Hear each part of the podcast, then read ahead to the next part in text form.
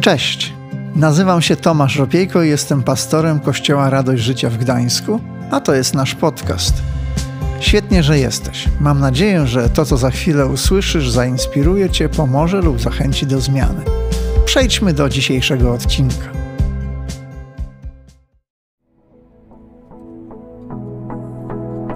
Jestem gotowy na walkę.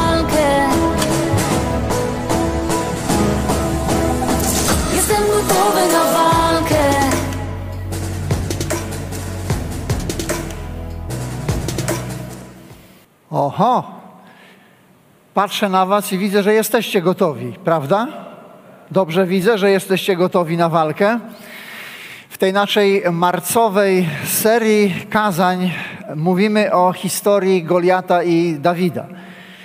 To pierwsza księga Samuelowa, 17 rozdział, tam znajdziemy całą tę historię. I gdy czytamy tę historię, to już na samym początku widzimy, że Goliat był filistyńskim, niepokonanym mistrzem. Takim czempionem, który, któremu nikt nie podskoczy. I on o tym wiedział dokładnie i się z tym szczycił. Czytając tę historię, widzimy, że to był facet pełny uwielbienia dla siebie, pewny siebie, pewny swojej siły, tego kim jest. Gdy dzisiaj we współczesnym sporcie dochodzi do jakiejś walki, czy to walki o pas, czy niekoniecznie, gdy jakaś taka znacząca walka jest organizowana, to często przeciwnicy przed walką uwalniają różne komunikaty prasowe mające na celu zdeprymowanie przeciwnika. Różnego rodzaju kąśliwe komentarze i różnie to tam wygląda. Potem przed samą walką, na dzień przed, jest tak zwane ważenie zawodników. Sprawdza się, czy oni spełniają normy dla danej jakiejś tam klasy wymaganej. Ale to ważenie tak naprawdę jest niczym innym jak jedną wielką walką psychologiczną.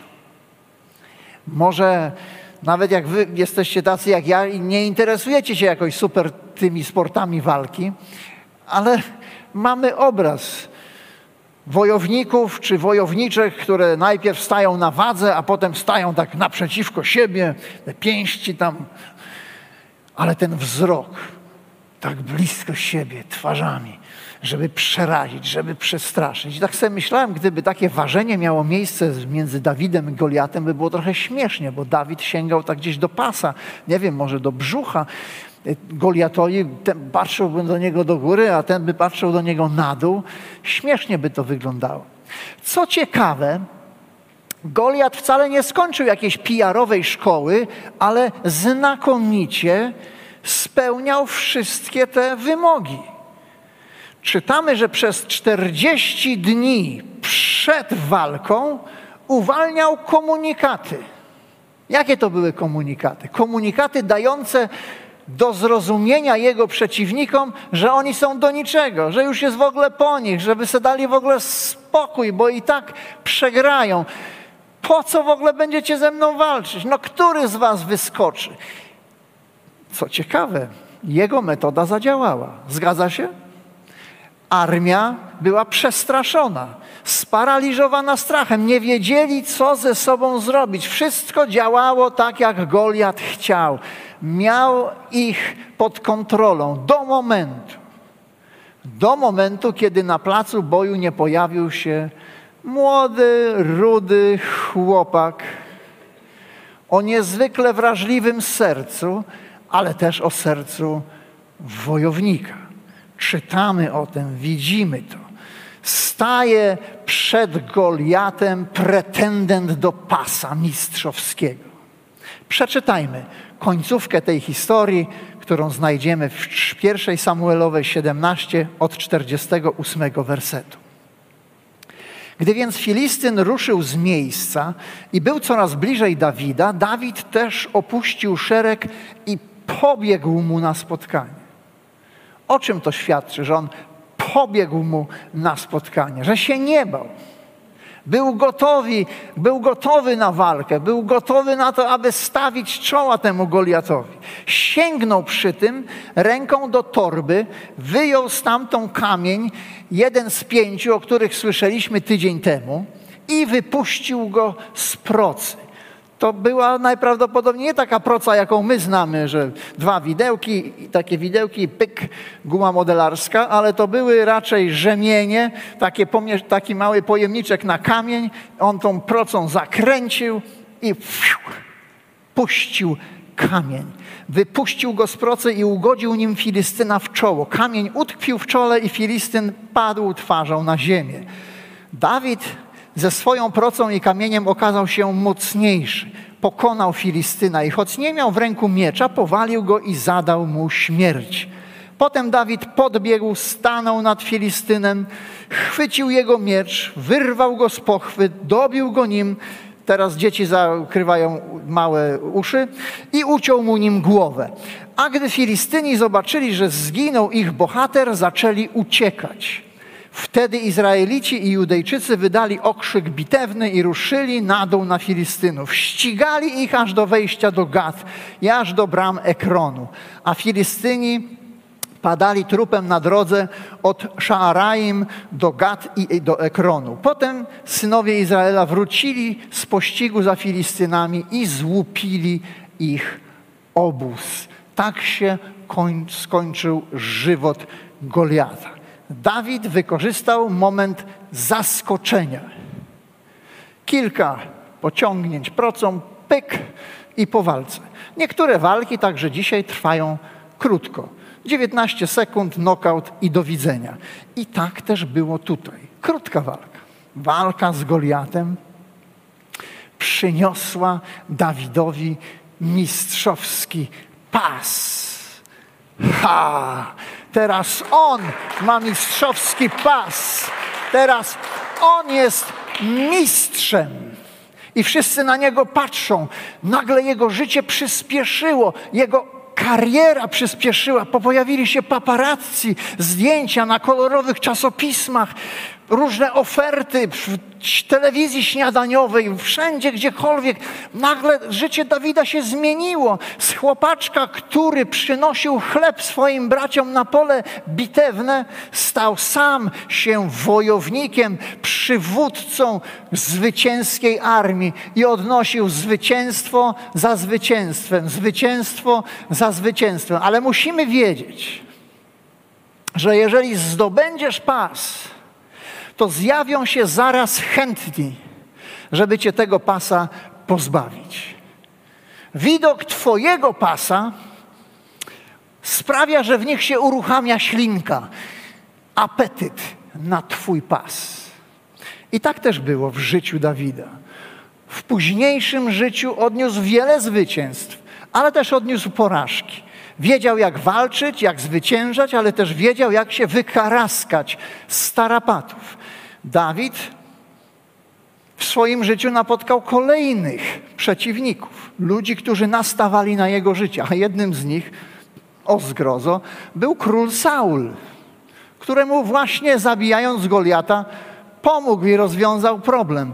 Ale ze względu na to, że tak mu się dobrze wiodło, król Saul czuł się za, zagrożony w swojej pozycji i postanowił Dawida zabić więc uganiał się za nią. Później Dawid miał jeszcze inne wyzwania. Poradził z Goliatem, ale na przykład nie poradził z pokusą dotyczącą pewnej pięknej kobiety. Przeżył też dramat dotyczący swojego syna, Absaloma, który się zbuntował przeciwko niemu. Chciał wziąć, możemy powiedzieć, mistrzowski pas. W tym wypadku tron swojego ojca. Chciał zasiąść na jego tronie i zbuntował się. I to mu się na jakiś czas udało. Rzeczywiście Dawid musiał uciekać z Jerozolimy. A, śmiali się z niego, pogardzali nim, a on odszedł z Jerozolimy po to, aby później na swój tron powrócić. Nie brakowało mu różnych rodzinnych wyzwań. Był człowiekiem z krwi i kości. Był prawdziwym wojownikiem, fajterem który wiedział, jak prowadzić swoje życie. Zwycięzca, znaczy zwycięstwa inspirują, prawda? dodają nam animuszu, cieszymy się, jak coś się uda, przybijamy piątkę, cieszymy się, jesteśmy pełni werwy. Porażki z kolei no, potrafią zniechęcić, podciąć skrzydła. Ale zwyciężając nieustannie, możemy popaść w samochwałę, w pychę, tracimy czujność.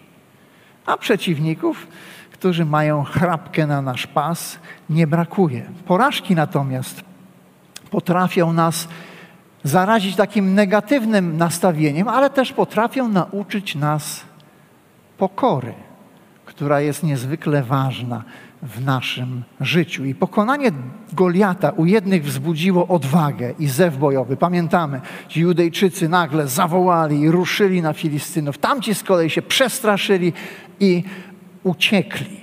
Dawid żył tak, jakby znał fragment z listu do Filipian. Listu, który został napisany w więzieniu. Paweł apostoł pisze ten list w więzieniu. Czwarty rozdział, dwunasty i trzynasty werset. Posłuchajmy tych słów. Wiem, co to skromność. Znany mi dostatek. Radzę sobie wszędzie, w każdej sytuacji. Nawet w pandemii, nawet w więzieniu. Poznałem sytość, nie obcy mi głód. Wiem, jak mieć dużo i umiem żyć w biedzie. Wszystko mogę w tym, który mnie umacnia. W Chrystusie, który umacnia mnie, który jest przy mnie, który zawsze mnie wspiera, na którego zawsze mogę liczyć. Nigdy mnie nie zostawił. Chociaż inni mnie zostawili, to On zawsze ze mną był. Dlatego Paweł apostoł i można powiedzieć Dawid, chociaż nie znał tak naprawdę tych słów i to wszystko działo się dużo wcześniej przed napisaniem tego listu, ale mieli relację z Bogiem. I ta relacja na, nasycała ich serca wiarą w to, że z Bogiem wszystko, co trzeba zrobić, zrobią. Jak my możemy walczyć o pas? Jak my możemy pasa bronić? Jak, co jest potrzebne? Chcę powiedzieć, że myślę, jedno tak naprawdę jest najbardziej nam potrzebne, a mianowicie takie zwycięskie nastawienie. Nastawienie wiary w to, że się uda. Jeśli jesteście podobni choć trochę do mnie, to się z tym zmagamy. Nie zawsze się czujemy jak zwycięzcy. Czujemy się zawsze tak. No, czasami nawet trudno nam rano wstać. Jest nierówna walka, jak mówię, z kołderką, z pierzynką i, i ta walka się tak przechyla. Raz ona wygrywa, raz my. I... Taka prosta rzecz, nie?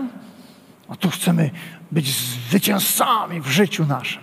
Trzeba najpierw wstać z łóżka, żeby zwyciężać w swoim życiu. Całe nasze życie jest bojem. Jeśli chcemy wygrywać, to nie możemy odpuszczać. A jedynym sposobem na to, by zwyciężyć, jest zaangażowanie w bitwę, w walkę. Czyż nie prawda? Jeżeli się nie zjawimy na polu bitwy, to będzie walkover. Jeżeli chcemy wygrać, musimy być gotowi, by walczyć, by walczyć o pas. Jedna zwycięska bitwa sprawy nie załatwia. Nie chodzi o to, by mieć swoje pięć minut w świetle fleszy, będą tu zdjęcia robić, tam zdjęcia, to, ach, co ja zrobiłem, och, wszystko cudownie, wspaniale. Chodzi o to, byśmy całe nasze życie mogli przeżyć z takim właśnie zwycięskim nastawieniem. A ono jest oznaką niczego innego jak naszej bliskiej relacji z Bogiem. To widać w życiu Dawida, to widać w życiu autora fragmentu z listu do Filipian. W nich to właśnie było. Ich bliska relacja z Bogiem była źródłem ich siły do tego, by zwyciężać.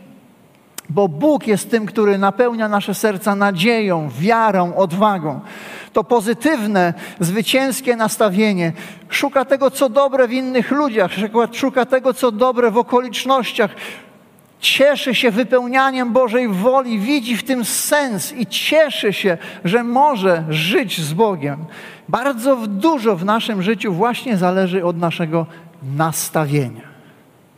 Od tego, jak patrzymy na rzeczywistość, którą, która nas otacza. I to widać jasno, gdy zestawimy Dawida i armię Saula.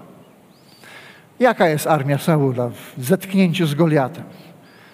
Boją się, nie wiedzą co zrobić, załamani są, bezradni, wszystko jest kiszka, nic już z tego nie będzie, nic tylko się załamać. Skaczemy z balkonu albo z mostu, koniec. To już jest koniec, nie ma już nic, jak śpiewała jedna kapela. Po drugiej stronie mamy Dawida. Dawida, który jest gotowy, by walczyć, bo zdaje sobie sprawę, jak wielki jest jego Bóg. Zdaje się sobie sprawę z tego, że na Bogu może polegać. Chociaż sam jest może herlawy i do tego rudy cokolwiek, to jednak da, da radę Goliatowi ze względu na to, że z nim jest Bóg. Każdy z nas w głowie ma różne głosy. Teraz nawet słuchając tego kazania, możliwe, że wasze myśli gdzieś tam idą, może myślami do obiadu, może gdzieś do tego, co trzeba zrobić w tym tygodniu. Nie zawsze jesteśmy w pełni skupieni na tym, co się dzieje. Różne myśli do nas przychodzą. I pytanie jest następujące: który głos jest głośniejszy w Twojej głowie? Czy to jest głos Goliata, który mówi, że już jest pozamiatane, że już jest po tobie? Czy to jest głos Boga, który mówi, że z Goliatem damy radę? Który głos jest głośniejszy? Zdumiewające jest to, jak my potrafimy niektóre głosy tolerować w swoim życiu. Armia Saula przez 40 dni tolerowała negatywne komunikaty Goliata, które on uwalniał. On wychodził codziennie i szydził z nich. A oni tego słuchali, już może z uszy swoje zatykali. To brzmiało w ich głowie. Dawid wytrzymał z tym tylko jeden dzień usłyszał jeden komunikat i mówi: No nie, dosyć. Co się musi wydarzyć w Twoim i moim życiu, byśmy jak Dawid powiedzieli: Dość, tak nie może być. Trzeba coś z tym zrobić. Przecież nie możemy siedzieć tutaj bezczynnie. Trzeba coś z tym zrobić. Co się musi wydarzyć? Myślę, że największa i najważniejsza bitwa tak naprawdę odgrywa się w naszej głowie. Jeśli chcemy zdobyć i utrzymać zwycięskie nastawienie, musimy zadbać o nasz sposób myślenia. O to, o czym myślimy i w jaki sposób myślimy. Co akceptujemy w naszym umyśle. Drugi list do Koryntian, dziesiąty rozdział, od trzeciego wersu, czytamy tam takie słowa. To też apostoł Paweł napisał. Bo chociaż żyjemy w ciele, nie walczymy według ciała. Czyli nie stosujemy popularnych metod, które są zastraszania, siłowych rozwiązań, mobbingu, oskarżania, obmawiania, nie wiem, cokolwiek innego, co dzisiaj gdzieś tam w przestrzeni publicznej się nawet dzieje. Narzędzia naszej walki nie są cielesne. Ale czy to znaczy, że są słabe? Nie a jednak za sprawą Boga, podkreślę, za sprawą Boga, mają moc burzenia warowni. Nim też burzymy wrogie zamiary i wszelką zuchwałość podnoszącą się przeciw poznaniu Boga. Nimi, nimi zniewalamy każdą myśl do posłuszeństwa Chrystusowi. W naszym umyśle pojawiają się przeróżne myśli. Niektóre z nich są tak silne, że Paweł przyrównuje je do warowni. Pewnych rzeczy, które są już tak umocowane w nas, są takimi naszymi przekonaniami, że trudno je zmienić. I niestety one często są fałszywe. To jest nieprawda, którą żeśmy przyjęli do naszego serca i ona niestety wpływa na nasze życie. A Chrystus daje nam autorytet, aby zapanować nad światem naszych myśli i rozprawić się z tym niewłaściwym myśleniem, z tymi warowniami, je zburzyć. Jeśli nie przejmiemy kontroli, nad naszymi myślami, to zgadnijmy, to one będą kontrolować nasze życie.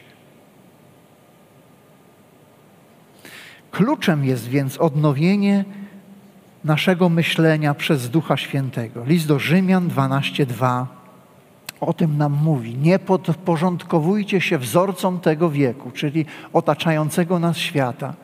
Niech was przeobraża nowy sposób myślenia, abyście potrafili rozpoznać, co jest wolą Bożą, co jest dobre, przyjemne i doskonałe. Chodzi tutaj o nowy sposób myślenia.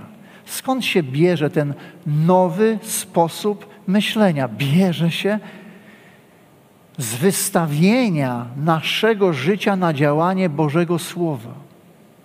Bo to Boże Słowo zawarte w Piśmie Świętym ma moc odkazić nas i odnowić nas. Ten proces odnowy myśli jest prosty, ale niekoniecznie łatwy. Wymaga świadomego działania po naszej stronie. Jest konieczny, jeśli chcemy zwyciężać. Jak to wygląda? No po pierwsze, musimy odkryć nieprawdę, w którą uwierzyliśmy.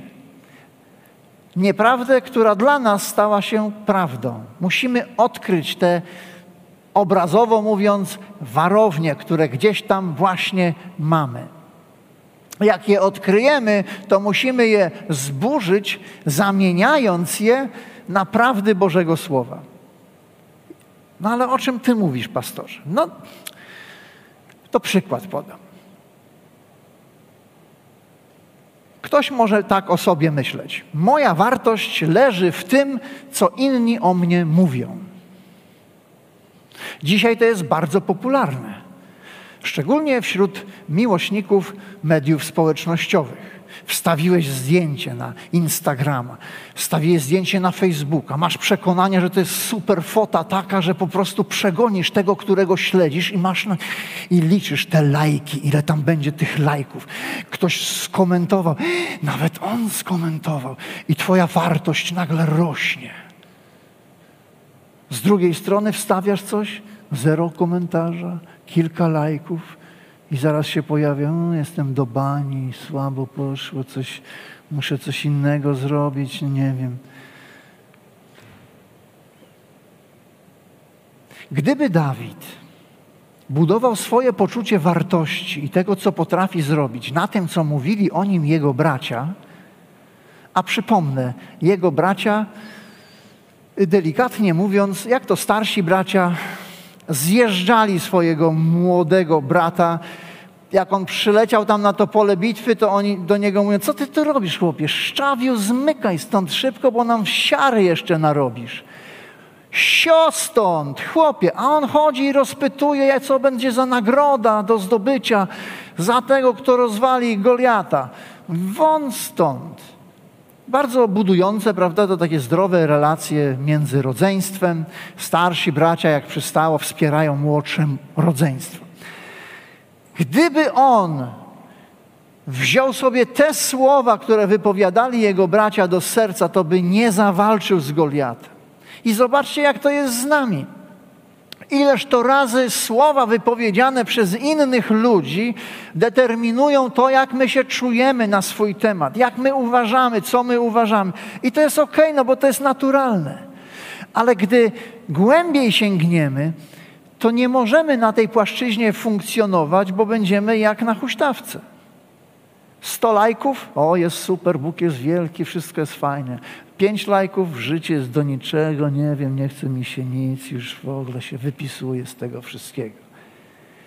Dlatego trzeba zlokalizować taką warownię i trzeba ją zamienić prawdą Bożego Słowa. A jaka jest prawda Bożego Słowa? Co Bóg mówi na Twój i na mój temat? Ta prawda jest bardzo prosta. Jesteś tak cenny, Jesteś tak cenna w Bożych oczach, że On z miłości do Ciebie oddał swojego jednorodzonego syna, abyś mógł żyć. Wystarczy? Jak to jest? Czy, czy my możemy czuć, że jest jeszcze większa wartość nam jakaś potrzebna? Czy ktoś jeszcze musi nam coś powiedzieć? Oczywiście jest miłe, jak nam ludzie mówią dobre rzeczy. Miłe jest? Czy nie? Nie lubicie. A wy lubicie tam po drugiej stronie ekranu? Lubicie, jak wam mówią dobre rzeczy? Wszyscy lubimy, ale nie możemy na tym budować naszego życia. Drugie kłamstwo, jakie może być, tego Goliata nie da się pokonać. W to uwierzyli wojownicy i król uwierzył. Tego Goliata się nie da, załamka, koniec już jest po wszystkim. Dawid nie wierzył temu, bo wiedział, że z Bogiem wszystko jest, wszystko jest możliwe. Z Bogiem nawet tego Goliata rozwalimy. Albo mówisz, nigdy, nigdy nie poradzę sobie z tym grzechem w swoim życiu, nigdy nie pokonam tego uzależnienia w swoim życiu. To kolejne kłamstwo, które przychodzi. No już próbowałem, próbowałem, próbowałem, chyba się w ogóle nie da. Nie. Bo list do Rzymian mówi, grzech nad wami panować nie będzie. To jest prawda Bożego Słowa, którą przykładamy do naszego życia. Możesz powiedzieć, no nigdy nie będę dobrym mężem, dobrą żoną, nigdy nie będę dobrym ojcem, dobrą matką. Skąd takie rzeczy się biorą? Wszystko mogę z tym, który mnie wzmacnia. Może pochodzę z poharatanego domu, nie mam żadnych dobrych wzorców, ale Bóg jest w stanie mnie odnowić, tak jak odnowił mnie. Kiedyś o tym mówiłem, ale już nie będziemy do tego wracać.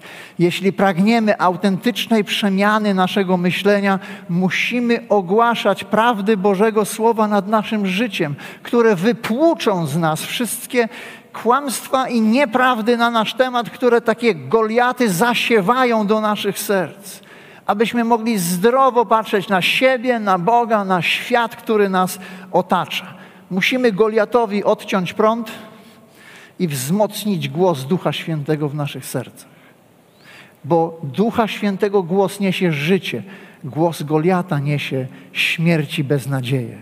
I ta przemiana nastawienia jest najważniejszym i najbardziej podstawowym elementem tej mentalności zwycięzcy. No, wszystko brzmi dobrze, pastorze, fajnie, tu się możemy piątki przybić, jest dobrze, ale życie nie jest takie kolorowe. Tak, wiem, że nie jest takie kolorowe. Ta historia jest o zwycięstwie, prawda? Jest o zwycięstwie, spektakularnym zwycięstwie Dawida nad Goliatem. Ale wiemy, że nasze zwycięstwa, że nasze życie, przepraszam, nie zawsze jest pełne samych zwycięstw. Tak jak i życie Dawida. On też odnosił różnego rodzaju porażki. Najwięksi mistrzowie czasami potrafią przegrać. Drugi list do Koryntian czwarty rozdział, ósmy, dziewiąty werset. Zewsząd uciskani, pisze Paweł o ludziach wierzących. Nie jesteśmy przytłoczeni. Bywamy bezradni, lecz nie zrozpaczeni, prześladowani. Przez wszystkich może porzuceni, ale nie opuszczeni przez Boga, który zawsze jest z nami. Powaleni, ale nie pokonani. Dla starszych słuchaczy Wańka wstańka. Zawsze wstajemy, zawsze wstajemy ze względu na Niego. Może dostałeś jakimś prawym sierpowym ostatnio od życia. Może leżysz na deskach i sobie myślisz, to już chyba po mnie. Nie, nie jest po Tobie. Może przegrałeś jakąś bitwę w życiu, coś rzeczywiście niedobrego się wydarzyło. Liczyłeś na coś innego i myślisz, że już jest po sprawie. Nie, nie jest po sprawie. Tak długo, jak masz powietrze w swoich płucach, tak długo jak wstajesz i budzisz się rano, tak długo jest nadzieja i tak długo Bóg może coś pięknego uczynić w Twoim życiu bez względu na to, ile rzeczy się nie udało. Czasami rzeczywiście przegramy jakąś potyczkę, ale z Chrystusem wygramy wojnę i z Nim będziemy królować na zawsze. To, że wszystko możemy w Chrystusie, niektórzy tak to interpretują, że wszystko się uda, bo wszystko mogę w Chrystusie. Ale kontekst tego wersetu, który przeczytaliśmy, mówi o tym, Paweł, że przechodził trudne momenty, ciężkie momenty, ale w tych trudnych, ciężkich momentach Chrystus był z nim i mu pomógł. Potrafię zwyciężać i potrafię przechodzić przez trudności. Wszystko mogę w Chrystusie, który mnie wzmacnia. Wszyscy mierzymy się z rozczarowaniem, nieprawdaż? Rozczarowani czasem jesteśmy Bogiem, rozczarowani jesteśmy żoną, albo mężem, albo pracą, albo kościołem, czymkolwiek. Jesteśmy rozczarowani. Nie zawsze Bóg tak odpowie na naszą modlitwę, jakbyśmy chcieli. Wydarzy się zupełnie coś innego. I co wtedy zrobić? Czego uczy nas ta historia? Chcę powiedzieć na koniec o dwóch rzeczach.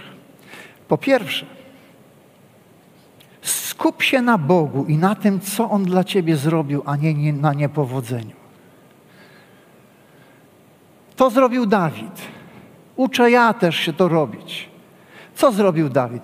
On wspomina, Bóg dał mi kiedyś łaskę, że walczyłem z lwem, że walczyłem z niedźwiedziem i Bóg mnie z tego wyrwał. I to chcę pamiętać. Na tym chcę się skupić.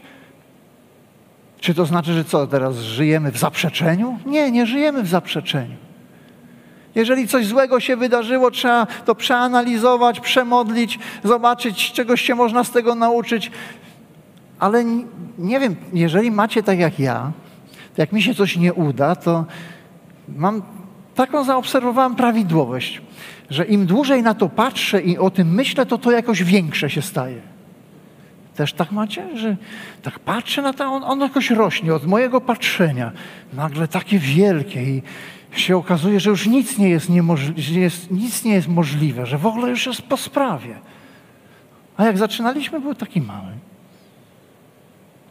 Dlatego uczę się lgnąć do Boga, patrzeć na Niego, wspominać to, co dobrego On uczynił w moim życiu. Nie koncentrować się na tym, co się nie udało, ale na tym, kto może mnie wesprzeć. Z czego do tej pory wyrwał Ciebie Bóg? Może warto usiąść przy dobrej kawie albo herbacie, albo czymkolwiek innym i zrobić sobie listę tego, co dobrego Bóg w Twoim życiu już zrobił do tej pory. I potem, gdy przychodzą czarne chwile, czytać sobie tą listę. Bo Bóg jest specjalistą od zamieniania tego, co się nie udało, w to, co się udało. Posłuchajmy, o tym opowie troszkę Piotr.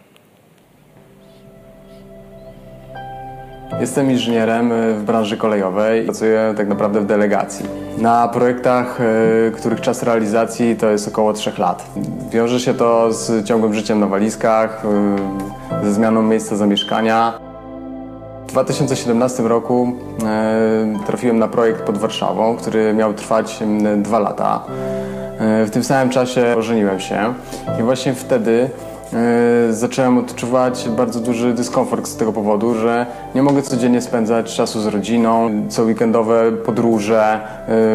E, stawało się to dla mnie męczące i to pragnienie bycia w domu codziennie no, bardzo wzrastało i stwierdziłem, że chciałbym coś zmienić. Natomiast nie było to takie łatwe, bo musiałem skończyć ten projekt. W 2018 e, roku pojawiła się informacja, E, o możliwości pracy na projekcie e, właśnie w branży kolejowej w Trójmieście. Byłoby to spełnienie moich pragnień, że właśnie mógłbym pracować pod domem. Natomiast fakt, że y, zacząłem nowy y, projekt y, pod Warszawą, uniemożliwiłby mi przejście na, nowe, na nowy projekt. Wiązałoby się to z budowaniem wszystkiego od nowa, jeżeli chodzi o życie zawodowe. Pogodziłem się z tym faktem, że jednak nie, nie będę mógł przejść na ten projekt kolejowy w, w Trójmieście. Natomiast cały czas nie modliłem się do Boga i prosiłem Go, że, żeby mi dał możliwość pracy w, w Trójmieście, blisko domu i życia z rodziną. We wrześniu 2018 roku yy, pojawiła się informacja, że ten przetarg zostaje anulowany z uwagi na to, że inwestor nie miał finansowania. Było to dla mnie dużym zaskoczeniem, bo takie rzeczy nie zdarzają się codziennie. Pod koniec 2018 roku ukazała się informacja, że inwestor ponownie ogłosił przetarg yy, właśnie na dużą budowę kolejową w Trójmieście i w pierwszej połowie 2019 roku yy, ogłosił, że właśnie moja firma będzie realizowała to zadanie. Wtedy Yy, byłem mega zaskoczony, po prostu nie dowierzałem w to, że mogę pracować pod domem. I to było dla mnie niesamowite, bo yy, coś, co wydawało się nierealne, z czym się już pogodziłem, yy, zamieniło się w rzeczywistość.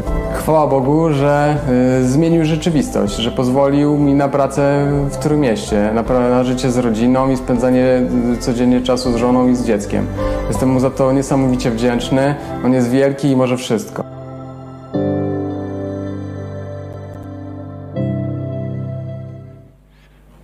On jest wielki i może wszystko. Pamiętajmy o tym, gdy mierzymy się z jakimś Goliatem, Goliatem, czy to w życiu zawodowym, tak jak Piotr mówił, czy życiu rodzinnym, duchowym, jakimkolwiek. Pamiętajmy o nim, lgnijmy do niego, bo on ma moc przemienić różne sytuacje w naszym życiu. List do Rzymian 8:28 powiada: A wiemy, że kochającym Boga to jest tym, którzy są powołani zgodnie z jego planem.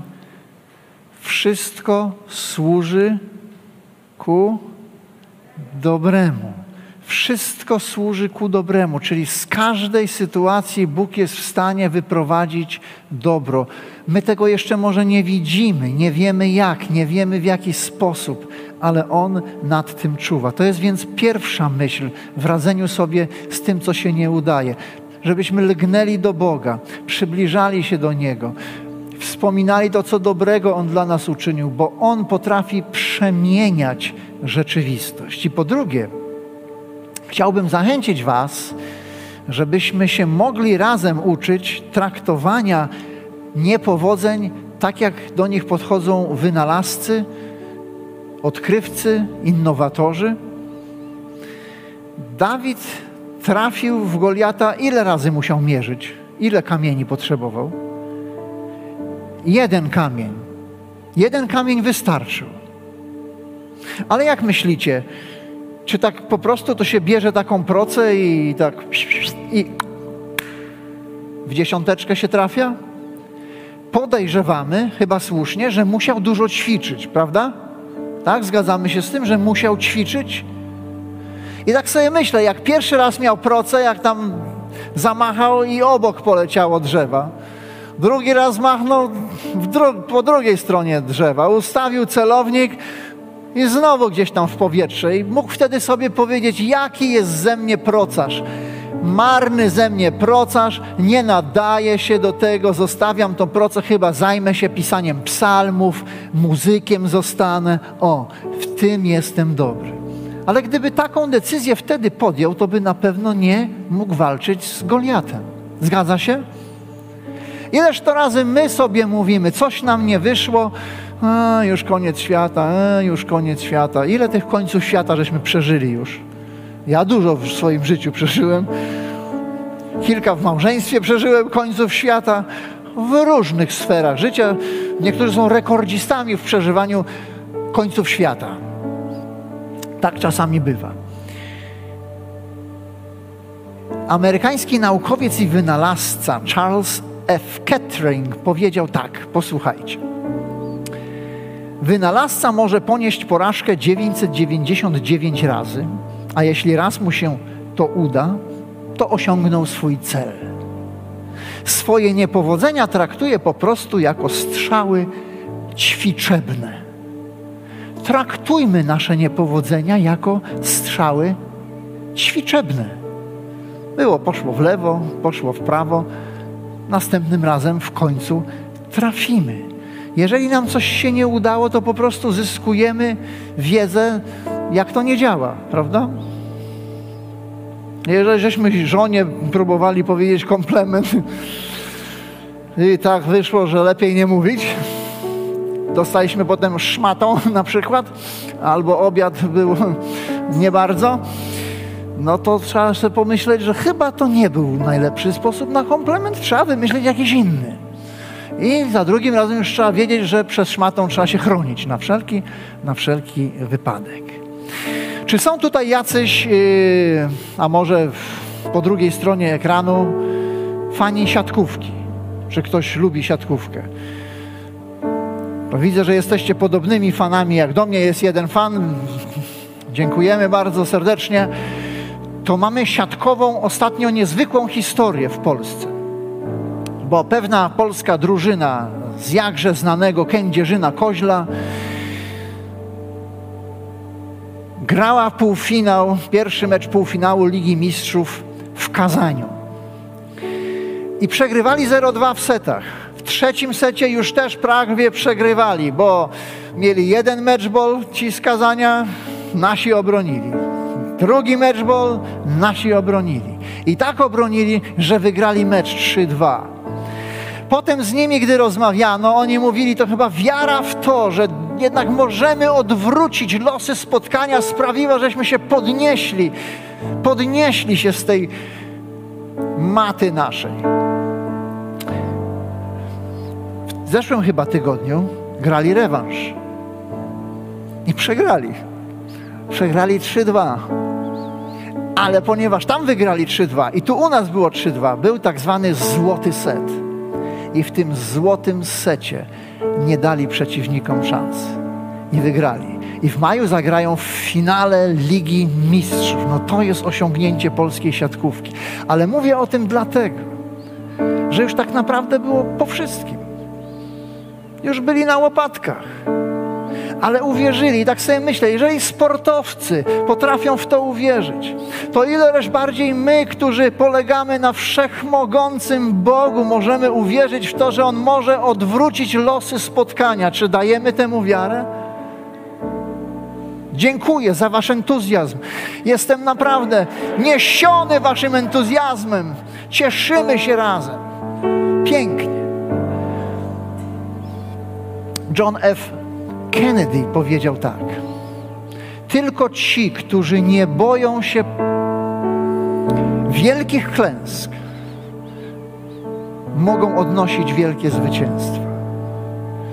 Tylko ci, którzy nie boją się wielkich klęsk, mogą odnosić wielkie zwycięstwa.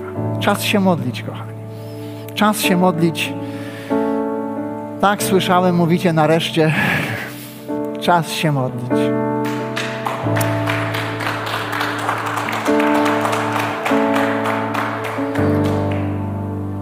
Wykorzystajmy ten święty moment, my, którzy tu jesteśmy i wy w swoich domach. Bo chociaż ja już praktycznie skończyłem, to Duch Święty chce coś pięknego jeszcze uczynić w naszych sercach. Nie chodzi o to, byśmy pokonali jednego Goliata, ale byśmy prowadzili zwycięskie życie w Chrystusie cały czas. I musimy pamiętać o to, że diabeł naszych dusz, diabeł, wróg naszych dusz chce zawsze odebrać nam ten pas, chce odebrać to, co jest najpiękniejsze w naszym życiu, to, co jest dla nas najcenniejsze, chce zabrać nam relacje z Bogiem, nasze relacje małżeńskie, przyjaźnie. Chce zabrać nam zdrowie, chce zabrać nam pokój z naszych serc, a wszystko robi, żeby w końcu odebrać nam życie wieczne, które wywalczył dla nas Chrystus. Ale my na to wszystko chcemy przypomnieć sobie werset, który mówi: Wszystko mogę w tym, który mnie wzmacnia, w Chrystusie. Pomyśl teraz. W tym miesiącu mamy takie karty, gdzie zasugerowaliśmy, że można po drugiej stronie wypisać tych swoich osobistych Goliatów, te wyzwania. Dzisiaj jest dobry czas, byśmy wspólnie się pomodlili o Boże zwycięstwo, o siłę. Panie nasz, dziękujemy Ci za to, że Ty zawsze pragniesz tego, co najlepsze dla nas. Że Ty przychodzisz ze swoim Duchem Świętym, aby przemieniać nasze życie, także przemieniać nasze myślenie i prosimy Ciebie o to. Daj nam takie zwycięskie nastawienie do naszych serc. Byśmy nie negowali tego, że Goliat jest wielki, ale byśmy bardziej koncentrowali się na tym, że Ty jesteś większy od Niego. Byśmy mieli tę świadomość, że z Tobą wszystko jest możliwe. Panie, dlatego teraz chcemy modlić się o te wszystkie wyzwania, które są w naszym życiu. W życiu osobistym, rodzinnym, zawodowym Jakiekolwiek to są sprawy, Panie, dzisiaj prosimy Ciebie i mówimy i ogłaszamy, Goliat musi paść. Panie, pokaż nam te kłamstwa, które gdzieś się może zalęgły w nas, niepostrzeżenie dotyczące naszego życia, tego, co możemy zrobić, a czego nie możemy z Tobą zrobić. Przemień nasze myślenie, uwolnij nas, daj nam pokonać te wszystkie warownie zburzyć. Ta niedziela jest tak zwaną niedzielą palmową, która mówi o tym, że Pan Jezus wjechał do Jerozolimy, król królów przyjechał, Przyjechał, aby zawalczyć o nas, o Ciebie, o mnie. Wielki Piątek. Miejmy gotowe te karty, bo to będzie ważne. Będziemy chcieli coś z nimi wspólnie zrobić w kontekście tego, co Pan Jezus zrobił dla nas. Ale może jesteś tutaj, czy oglądasz, czy uczestniczysz online w nabożeństwie i nigdy nie oddałeś swojego życia Jezusowi. Nie masz tej świadomości, że, że należysz do Niego. To możesz to dzisiaj zrobić. Możesz Mu o tym powiedzieć. Przyjdź do Niego, powiedz Mu swoimi słowami: Panie, zmień moje życie. Oczyść mnie, daj mi zwycięstwo nad tym, co złe. Daj mi życie, które Ty dajesz. Zaśpiewajmy. Ja skończyłem, ale Duch Święty dalej działa w naszych sercach. Módlmy się, otwierajmy serca dla Niego. Dzięki, że zostałeś z nami do końca. Pamiętaj, że odcinki pojawiają się w każdy poniedziałek o 18. Jeśli chcesz dowiedzieć się o nas więcej, to wejdź na stronę kazetgdańsk.org. Do usłyszenia.